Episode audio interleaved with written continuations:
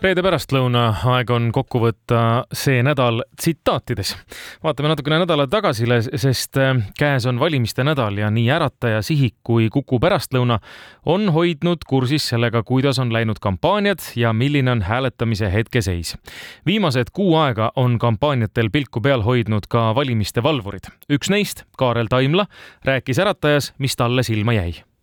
aga rääkides relvadest, meil on ju siin äh, liitlaste uhked äh, relvad, muuhulgas ka kopterid koha peal on ju, et me võib-olla mäletame siin reklaame, kus on ähm, noh, reaktiivlennukitega reklaame tehtud mm, -hmm. aga kokkuvõttes võime küsida, et kas see siis on reklaam või ei ole, et näiteks konkreetne minister, kaitseminister sõidab Chinookiga ringi ja tutvustab seda. iseenesest langeb nagu väga kenasti jälle sellise valimisajaga kokku ja siis on jälle küsimus, et noh, et mis ta siis on, et kas ta nüüd on nagu valimisreklaam, kas kõigil teistel erakondadel on samasugune võimalus nüüd liitlastele Chinukidega minna pilti tegema, onju. ja ega ma ei pane pahaks selles mõttes, et kasvõi kui võtta vabariigi aastapäeva paraad, onju, et eh, ikka me näeme Jens Stoltenbergi siin ja Ursula von der Leyenit, aga kuidagi nagu väga kenasti satub see meil praegu kokku, et kakskümmend neli veebruar, suured külalised, aga külalised võtab kes vastu, onju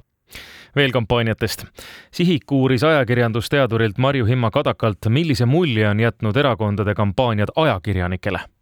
peab nõustuma, et on jah igav, äh, kuidagi selline no võib-olla see tuleb nüüd sellest samast, et ajakirjandus ikkagi kuidagi oma loomuomaselt otsib mingisugust ka konflikti alget ja seda konflikti ei ole olnud ei, ei selliste suurte paljastuste ja suurte skandaalide kontekstis ega ka sellise väga tugeva üksteise ründamisega, ma ütleksin, et EKRE, EKRE, Keskerakonna ja Isamaa valitsuse ajal oli võib-olla sellist avalikku ründamist äh, rohkem kui, kui praeguse äh, valimisperioodil on, et võib-olla on, on see jällegi selline erakondadega natukene teadlikum valik olnud, et äh, et hoida sellist rahulikumat joont, sest et seda ebastabiilset ja mitterahulikku aega on päris pikalt olnud. võib-olla see on nagu üks valik, aga teisest küljest äh,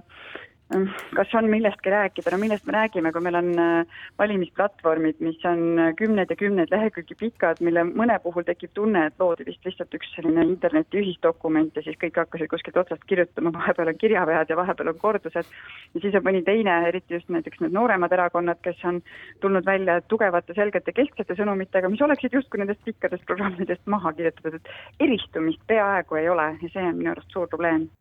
nädala alguses algas e- ja eelhääletamine. Kuku pärastlõuna küsis Solarise keskuse valimiskomisjoni esimehelt Heli Tohverilt, kes muide on seda tööd teinud juba üle kahekümne aasta, mida peaksid inimesed valima tulles meeles pidama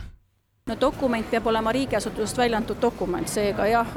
ID-kaart, juhiluba ja sellised dokumendid, kus on pilt, allkiri, isikukood peal. sellega saab ja peab olema kehtiv, seega peab kehtivus olema seal ka. nii, ja no vigu on numbrite kirjutamisel jah, et ei oleks arusaadaval, kui ta millise kandidaadi poolt hääletab, et see number ei oleks siis null või üheksa, et ei oleks segamini, üle ei tohiks kirjutada, aga siis anname uue, uue hääletussedeli, nii et äh, saab ikka uuesti valida, kui midagi läheb valesti vahetame veidi teemat. päev pärast vabariigi aastapäeva toodi Vabaduse väljakule sõjas purustatud Vene tank. peagi hakkasid sinna ilmuma punased nelgid. sihik küsis kaitseminister Hanno Pevkurilt, mis saab tankist edasi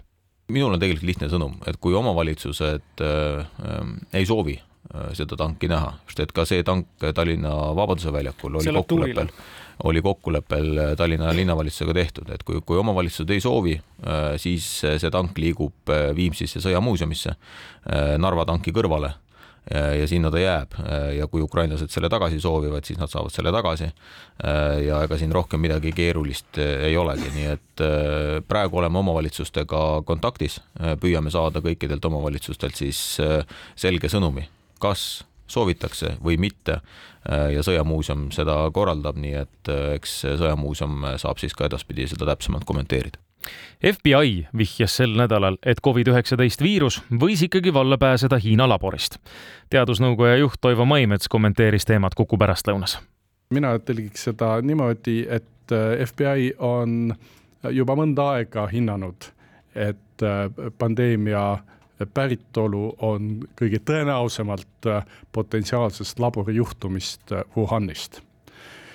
ehk tegelikult ta, ta ei ütle, et on, neil on mingeid uusi uudiseid ja tõepoolest eh, meil on, nüüd on avalikuks tehtud eh, Ameerika Ühendriikide National Intelligence Council, mis on